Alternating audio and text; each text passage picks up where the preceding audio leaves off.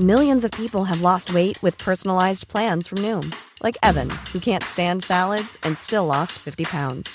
Salads, generally, for most people, are the easy button, right? For me, that wasn't an option. I never really was a salad guy. That's just not who I am. But Noom worked for me.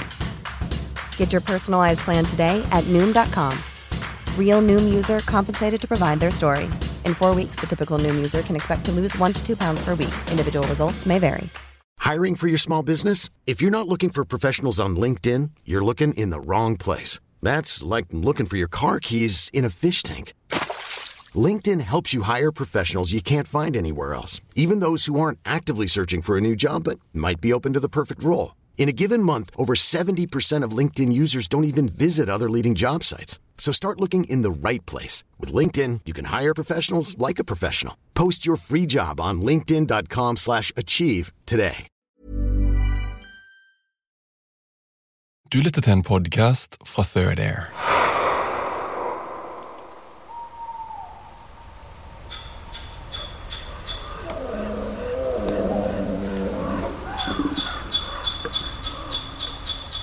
I et lite hus i skråningen ved siden av den store skogsgården, sør-øst for Nordre Osen, strømmer det lys ut fra et vindu. Det er skumring i landskapet. Men innenfor vinduet på det lille huset skimtes en silhuett. Omgitt av lys røyk som siger opp fra sigaretten i askebegeret. Som en slags ånd fra en flaske står han der i lyset fra lysstoffrøret montert over karmen.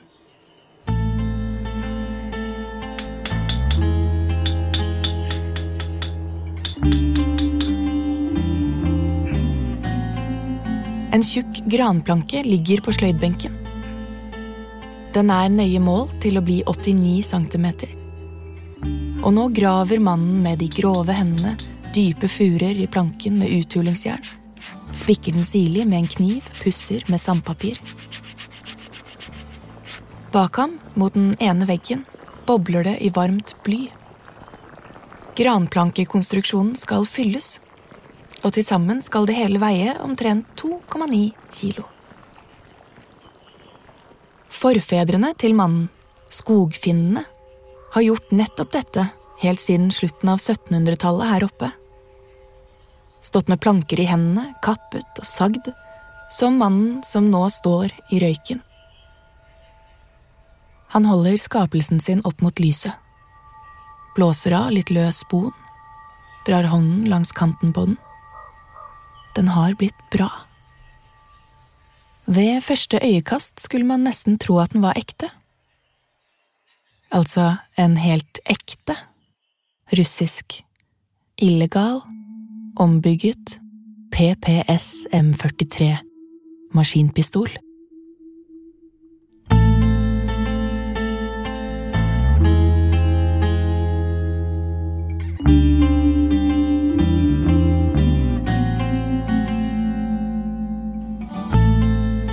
En mann som snekrer sammen en hjemmelaga replika av en ulovlig russisk maskinpistol på verkstedet sitt. Det får du ikke midt i byen. Det skjer strengt tatt ikke hver dag i Osen heller. Bortsett fra når ranere på gjennomreise gjennom Østerdalen plutselig slår til mot den lokale bankfilialen. For eh, det er her vi kom til nå, i tredje episode i denne glemte fortellingen. Men før vi fortsetter, vil jeg gjerne takke alle dere som lytter. Tips gjerne noen du tror kan like det her. Det hjelper oss. Så til historien.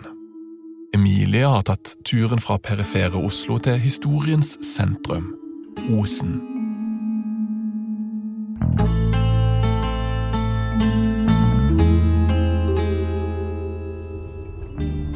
Det er lange avstander mellom det meste i Osen. Men det kreves ikke verdens beste investigative journalist for å finne frem til han jeg nå er på tokt etter. Hos Viggo får jeg til og med detaljerte veibeskrivelser. Ja, Han bor jo der nede, han, vet på gården nedenfor. Ja, ikke sant? Kan jeg kjøre ned dit, eller? Du kan kjøre over her, og så ut opp en port der borte, og så ned da. Får jeg lov til å kjøre over plenen di, altså? Ja, det, det er vanlig, det her. Ja, ok. Men da gjør jeg det. Så ses vi et- etterpå. Kan vi gjøre. Yes. Greit. Ha det. Huset ligger ned mot elven. Det er et slags hus med det rare i som åpenbarer seg idet jeg kommer gjennom porten. Hei! Er det Jarl? Jarl. The man of the hour. Og en ildsjel i bygda. I lesingen om Osen kom jeg over et avisutklipp om at Jarl i fjor lagde 900 kjøttkaker til Osendagene. For hånd. Utenfor huset står det flere gamle biler. Vindfangere henger rundt om på eiendommen. En Pepsi Max-parasoll står ned i et hull i midten av et hvitt utebord. Ja, og så henger det et spesialskilt over dørklokka. Hva står det på døra di? Velkommen til Villa Galskap. Ja. det var et nøkkelskap jeg fant på, fant på loppemarkedet. Så det syns jeg passa her. Det er advarselskilt over ringeklokka. Advarsel lavtflygende hybelkaniner kan forekomme. Jeg fikk av mora mi. Så kona var ikke helt blid når jeg satte opp, da. Men det stemmer jo. Jeg får sitte på med Jarl opp i skogen. Planen vår er å følge i fotsporene til denne beryktede fisketuren Jarl var på for 25 år siden. Eller fisketur og fisketur. Kanskje var han litt nysgjerrig også.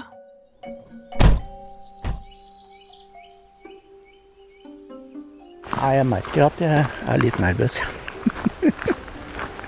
Ja. Amen. Jarl er ikke en fyr som er sånn sykt glad i oppmerksomhet. Men han begynner, om enn noe motvillig, å fortelle om en av de rareste dagene i hele hans liv. Jeg gikk eh, nede i skråningen bortover, for jeg skulle se hvor det revehiet var hen. Som hadde funnet våpen og parker. Og der lukta det diesel. Så bare fortsatte jeg og så tenkte jeg skulle gå til over løfteren som er rett overfor fossen her. Og fiske meg nedover, for jeg hadde med meg fiskestang. Og, men da kjente jeg det lukta diesel her òg. Det var diesel ved funnplass 1, der Viggo og Bente fant våpnene. Og nå lukter det diesel lenger borte også. Jarl er som en sporhund. Han følger videre. Dagens fisk til middag får vente. Mon tro var den aldri helt planlagt heller. Da var det ingen fotspor. Så, men så var det noen formasjoner på noen steiner oppunder egga som jeg stussa på. Og den ene steinen den passa i et høl lenger ned i skråningen. Underlig, tenker Jarl. Steiner har ikke en tendens til å rulle oppover i landskapet. Og så jeg begynte å grave litt. Og kom, kjente at det kom ned noe plastikk. Og det lukta diesel av fingrene mine.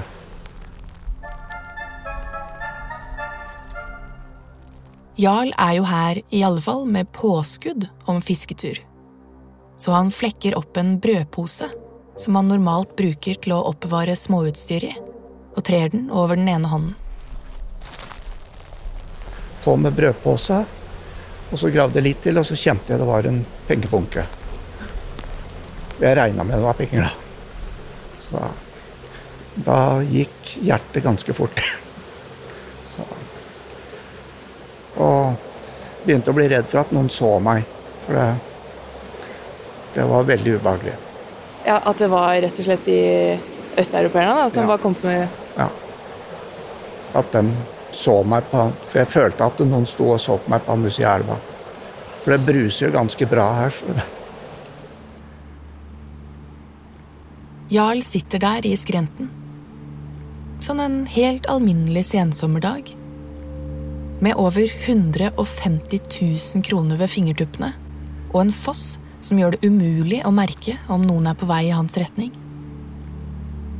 Jeg hadde tenkt at du liksom noen gang skulle ende opp i, midt oppi en sånn kjempestor eh, østeuropeisk mafia, mas altså maskingevær og mange hundre tusen kroner. Og. nei, det hadde jeg aldri drømt om. Men så hadde jeg hatt en drøm om at det kom til å skje et ran. Hadde du? Ja. Hva drømte du? Nei, jeg drømte omtrent akkurat som det var. Hva skjedde i den drømmen, da? Nei, det var at de gjemte penger og ransutbytte. Så, Og at du fant den? ja, Det er sanndrømt du, da, Jarl. mulig.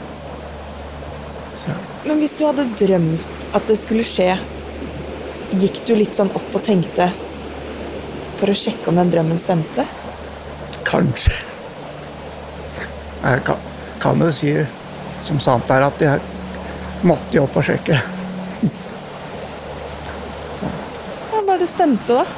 ja, da stemte det. Er ikke det litt sånn ekstra creepy? Ja? Jo. Det er det. Jeg skulle nesten tro hun var synsk av og til. Så, Jeg så som han og deg. ja.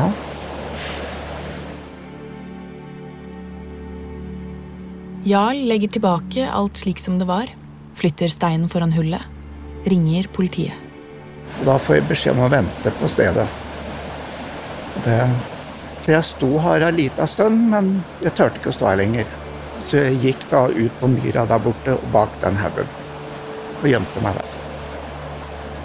Hvordan gjemte du deg? Nei, jeg bare la meg ned. Eller satt på baksida av haugen. Og bare titta fram hver gang jeg hørte det kom noen. Så, Så der ligger Jarl. I halvannen time, bak en haug, med en brødpose som lukter diesel i lomma, en drøm som har blitt sann, hjerte i halsen og en stikkende følelse av å bli sett på. Så kommer det en bil. To personer trer ut. De tar frem fiskestenger. Men Jarl kjenner dem igjen. Det er politifolk. så da turte de å gå fram. For de hadde kledd seg sånn for å ikke få noe oppmerksomhet. Så. Politiet tar bilder, graver frem posen. 151 645 norske, 7390 svenske og 2800 danske kroner. Nei, jeg fant ransutbytte. Det er vel en rolle god nok, tror jeg. Da kunne jeg beholdt penga og ikke sagt noen ting, men det hadde jeg ikke samvittighet til. Jeg har til nå ikke stjålet noe, så da Etter dette blir Jarl virkelig mannen å få tak i for lokalavisene. Han blir lokalkjendis. De ringer og får ham inn til intervjuer. Syns du de skrev riktige ting, da? Jeg begynner å lure litt, da. Sånn. Det hørtes jo som jeg skulle få en kjempefin lønn. For Der sto det at jeg skulle kjøpe meg en ny bil og reparere tenner. Jarl får faktisk en finnerlønn. 14 000 kroner. Ja, jeg kjøpte meg en ny bil, jeg gjorde det. Men den tror jeg betalte 3000 kroner for. Og jeg reparerte tenna for 11,5, så Å følge kallet fra en drøm og få nye tenner som belønning. Ikke dummen byttehandel, det. Husker du mannen i røyken fra begynnelsen av episoden? Han som sto og spikket? Du har selvsagt skjønt det for lengst, at dette er ingen ringere enn Per Ravnkleven. Her er politiinspektør Jostein om mannen med en plan. Han var jo sånn eh, en skogbonde ved- siden av at han var lensmann. Han hadde jo gård midt inn i ødemarka der. Så han er vant til å, å mekke og veldig handy og veldig flink eh, til alt mulig grønn. Eh, Hadde jo eget snekkerverksted hjemme på gården og hadde alltid olje på fingertuppene. da. Olje på fingertuppene. Ja, det høres ut som vår mann. Her har du ham. Men det jeg da gjorde, det var at jeg tok eh, mål av våpenet. Så reiste jeg opp i mitt snekkeri, som jeg har rett bak oss her, og lagde det identiske våpen i tre, og fylte det med flytende bly, slik at vekta skulle være identisk. Ravnkleven skjønner fort at han nå har en unik mulighet. Han kan lage en felle for ranerne. Hadde det vært mulig å se der hvor du lagde de, disse geværene med bly i tre? Ja, det kan vi gjøre. Kan vi bare, kli, bare kli opp bakken her, vi, så Ja, ja. er vi der. Det er gangstien opp. Ja, hei. ja. Følger etter deg, jeg. ja. En broken, bitte liten løype snor seg opp ved siden av huset. Rundt om kantene på stien vokser det vilt i krattet. Så da kan du si at nå har du vært på den smale sti. Ravnkleven gikk på den smale sti. Ja. Ravnkleven og jeg. To gode venner. Knoll og Tott. Her, her skjedde det. på høvelbenken her. Ja. Ja, ok, så her, her står du Her var jobben, ja. Og her er smeltedigla til bly. Det er bly oppi der fortsatt. Ja, du går opp her med en ganske tydelig plan. Jeg går opp den smale sida her, kommer inn og tenker eh, Nå skal jeg lage noen falske våpen som jeg skal legge ut der. Er det, tenker, Stopper du noe opp og tenker sånn Det er så absurd at jeg står og gjør dette. Nei. Nei, jeg gjorde ikke det. Tullete spørsmål. Det er da helt naturlig. I alle fall hvis man har 96% skogfinneblod. Revehi, eh, snekkerbod, eh, bærplukkere, en eh, versting som heter Kupp. Eh, gjør alt dette deg til Reodor Felgen, da, eller? Ja, han eh, Jarl som du har pratet med, han eh, karakteriserte meg som sådan for eh, Jeg syns det passer litt, jeg òg, men jeg vet ikke om du liker det. Nei, jeg er ikke meg nå. Nei, jeg, jeg ble, ble kalt så mye rart oppi den tiden, så det er både, både stygt og pent, så da Alt ettersom hvem som har eh, fremført det. Ja. Ja. Planen er selvsagt å legge det hele tilbake igjen. Så hvis ranerne kommer, så merker de ikke at noe er endret. Men planen til Ravnkleven stopper ikke der. Han må også finne en plan for ransutbyttet. Pengene. Han kan jo ikke legge de tilbake igjen. Så gikk jeg på et trykkeri på Rena og fikk eh, samme type papir. Og trykte opp celler i samme størrelse og samme antall som eh, det var der, slik at eh, bunken var identisk med det de hadde tatt. Da. Så ene sida på dem var identisk eh, pengeseddel, og baksida sto det den som hadde jobbet mot. Så Og det ble da lagt på plass igjen eh, under den steinen. Så da var vi temmelig sikre på at her er bare et spørsmål om tid når de kommer tilbake for å hente ransutbyttet.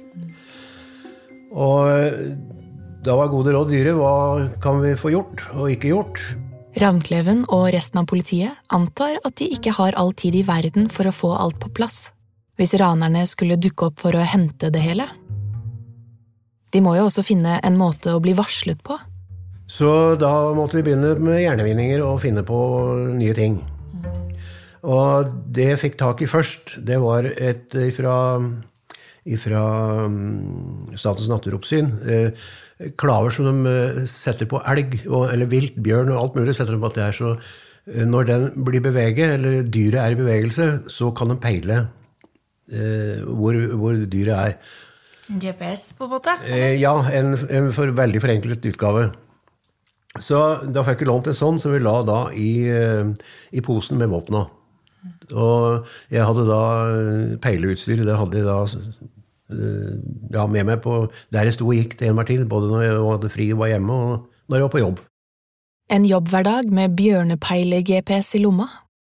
Men det stopper ikke der. Men etter hvert så fant du at eh, vi ville ha det enda mer avansert.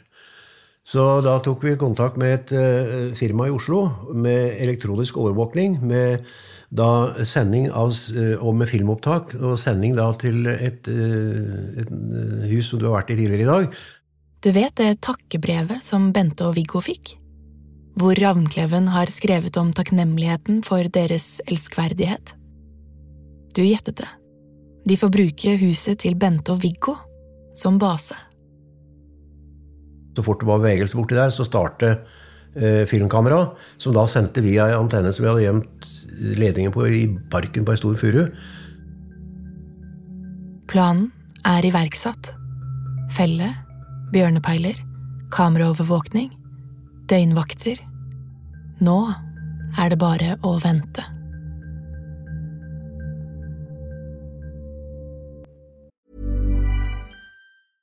Ready to pop the question? The jewelers at BlueNile.com have got sparkle down to a science with beautiful lab grown diamonds worthy of your most brilliant moments. Their lab grown diamonds are independently graded and guaranteed identical to natural diamonds, and they're ready to ship to your door. Go to BlueNile.com and use promo code LISTEN to get $50 off your purchase of $500 or more. That's code LISTEN at BlueNile.com for $50 off. BlueNile.com code LISTEN.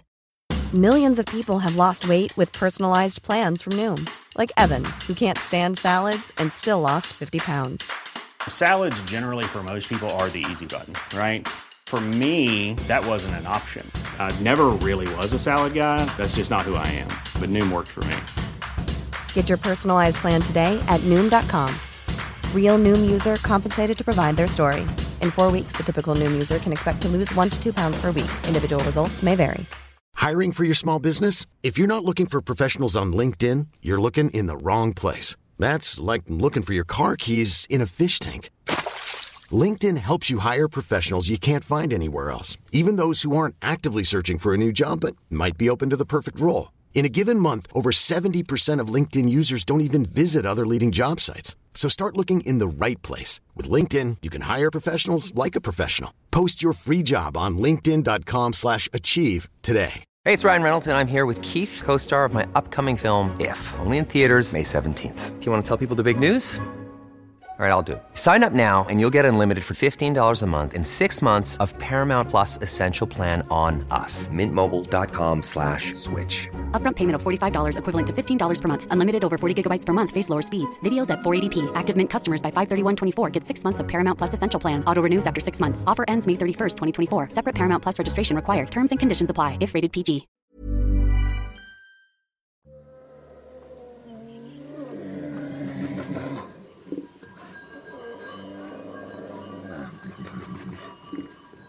I sensommernettene, mens han venter på om tyvene skal komme tilbake, kan ravnkleven høre bjeller fra sauer som rømmer fra bjørner der oppe i skogen. Han er en av dem, denne mannen, en av skogsfolket som lever og bor her oppe i osen. Så han deler uroen for bjørnen som lusker der oppe. Men disse ukene er uroen delt for det er andre rovdyr rundt hjørnet. Når vil mafiaen komme tilbake etter sitt bytte, som i virkeligheten er en felle i et revehi? Og når de kommer, kan han da stole på at ingen deler av planen glipper? Kjenner han bygda si godt nok? Da jeg begynte på lensmannskontor første gangen, det første året da, da gikk jeg med panteprotokollen og forkynnelsesprotokollen. Så at det var et hus omtrent jeg ikke var innom. Det var, det var, karrierestarten for å bli kjent. Det var panteboka under den ene og forkynnelsesboka under den andre armen. det, var, det, var, starten. Det var smart, da. Ja da. Det var, det var, det var ikke noe særlig givende, men i ettertid så var jeg prisig lykkelig for at eh, daværende lensmann sendte meg på den jobben. Panteprotokoll og forkynnelsesprotokoll. Det ble starten på et forhold mellom lensmannen og bygda hans, og etter hvert ble kjennskapet desto nærere. Så øh, om du ikke visste navnet på alle, så kjente du ansikta på dem. Du, du, hadde, du, hadde, liksom hele registeret i bakhuet. Mm. I ukene med venting på at ranerne skal komme tilbake, er det umulig for osingene å ikke få ferten av hva som er på ferde i bygda deres. Osingene eh, de var jo klart, de skjønte at mye skjedde, og hvor vi stort sett hadde innsatsen vår rett mot. Så det ble folkevandring inn i området der. All denne iherdige innsatsen, all kreativitet, hjelper lite om noe kommer ut. Får ranerne nyss om planen, så går alt i dass. Det vi var redd, var at en eller annen skulle glippe om at, eh, hva vi hadde gjort. Og noen oppdager jo at vi hadde skjult overvåkning bortpå der òg. Mm. Og Til media og sånn, da, eller? Eh, ja, det òg.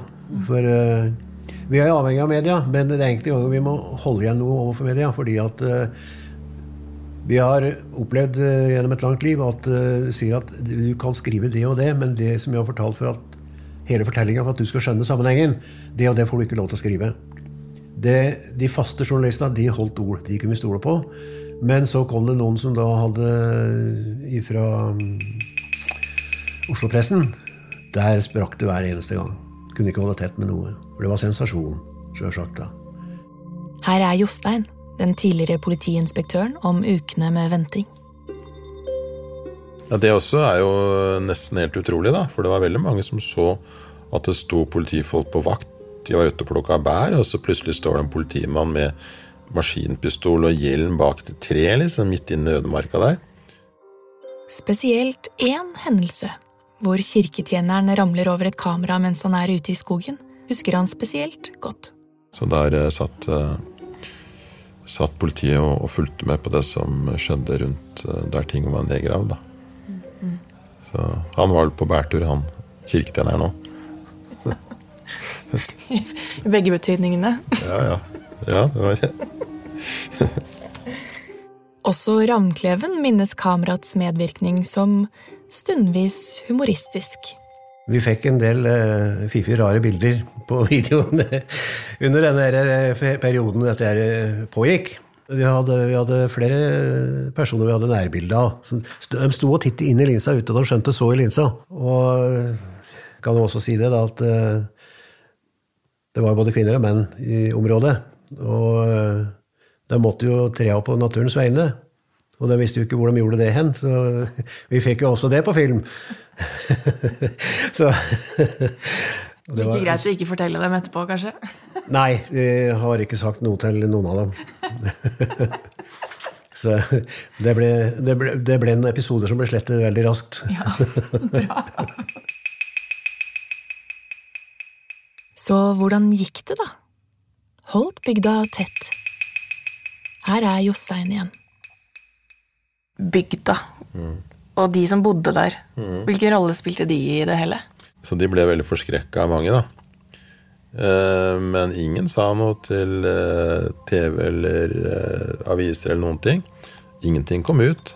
Bygdefolket sa ingenting. Så det var helt utrolig, da. De var veldig lojale, da. Og det gjorde veldig inntrykk på meg. da. Normalt så skulle man tro at folk hadde løpt til eh, 1000 tips eller noe, da. For å liksom tipse, da. Men ingenting. Helt hemmelig. Når det kommer til osingene, skal det ikke være noe spørsmål om hvilket lag de er på. Her er Viggo, Bente og Jarl. Det er jo veldig viktig, det å kunne klare å, å holde tett på sånne ting. Da, når, når en får, får beskjed om det. Og nei, nei det, var, det var veldig spesielt å sitte der med og, og vite hva som egentlig skjedde oppi her, og så det var ingen andre som visste det. Nei, det, nei, det var spesielt. Det var det. Ja. De spurte om jeg kunne greie å holde helt hemmelig, og ikke fortelle det til noen. Helst ikke til familien engang. Og det greide jeg, da. Men det ble veldig mye turer i skauen da. Så det ble mye multeplukking den høsten. Så Tilbake i stua på skogsgården til Per Ravnkleven forsøker jeg fortsatt å imponere helten i historien. Som du sikkert kan forstå, så blir jeg ikke mindre fan ettersom denne historien utarter seg. Denne gangen forsøker jeg meg på å bonde over de utstoppede fuglene på veggen. Nå skal jeg prøve meg. Er det tiur?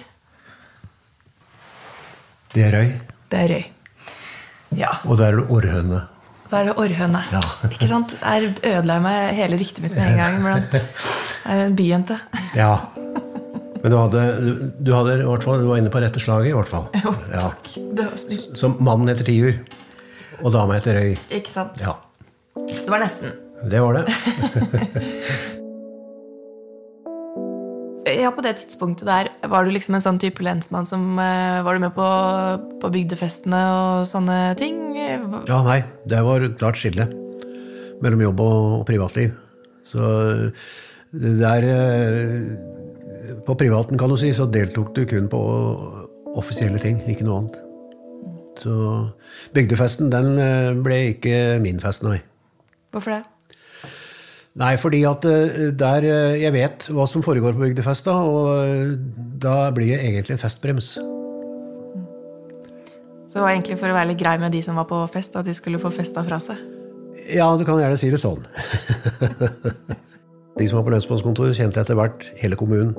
Og det, den gjensidige kjennskapen og respekten der, den, den høster vi mye glede av. Fordi at vi visste hvor vi kunne gå for å få uh, ordentlige opplysninger, og det fikk vi.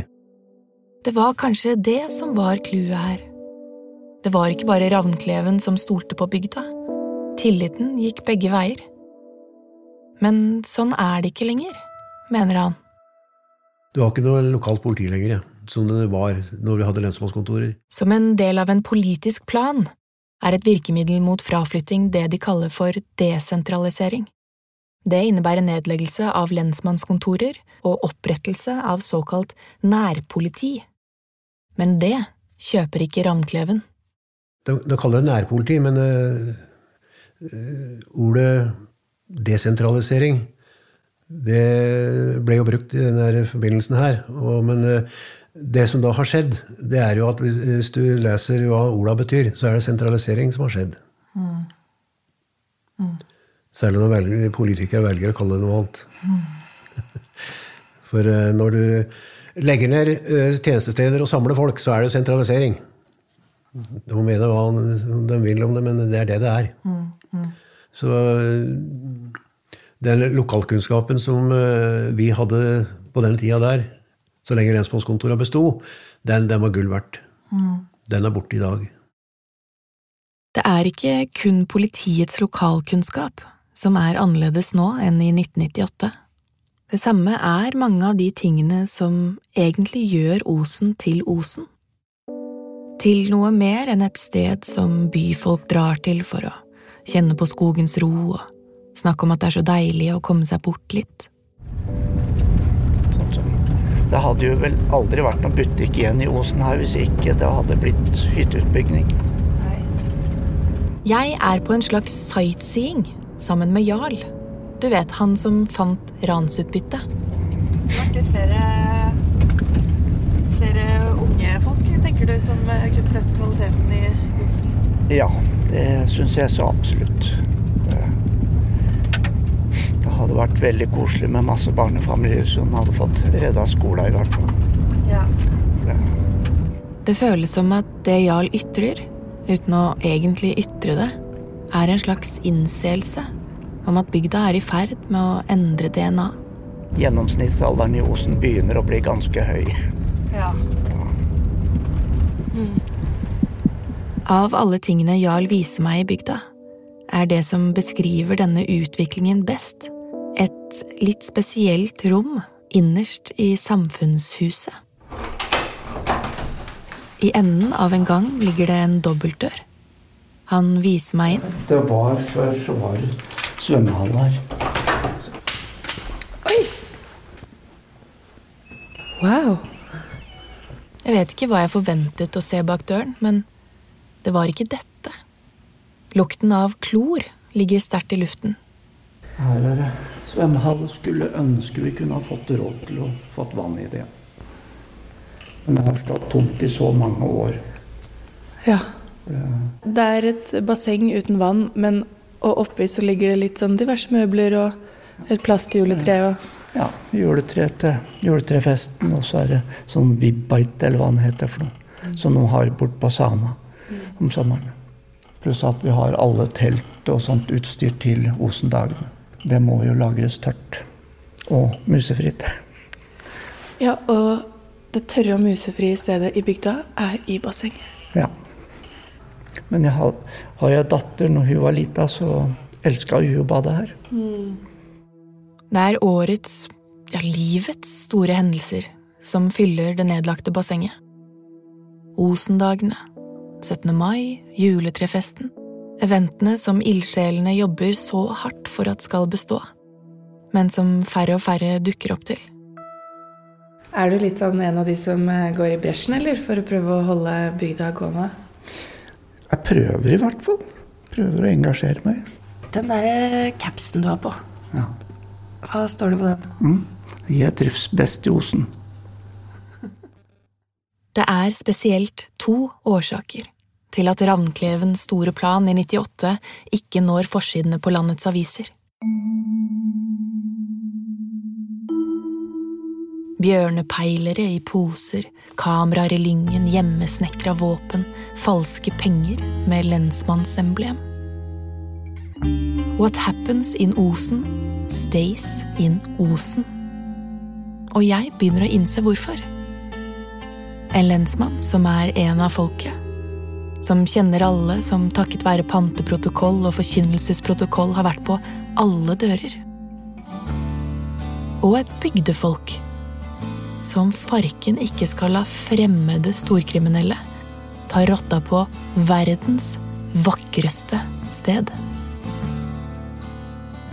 Du har lytta til nest siste episode i denne dokumentarserien fra en mørk historie, produsert av Third Air. Om du trykker 'følg oss' i appen hvor du lytter, så skal du automatisk få opp neste episode når den kommer. Du gikk på tå hev natt og dag med at alarmen skulle løses ut. Og jeg har jo tenkt at disse murene er jo uoverstigelige. Det er jo ikke mulig å komme seg over de. Det var vel Norges eh, sikreste fengsel på den tiden, da. Han eh, spilte da bajas og, og knøt seg sammen og begynte å spytte rundt seg. Så hvem han traff, det brød seg ikke noe om.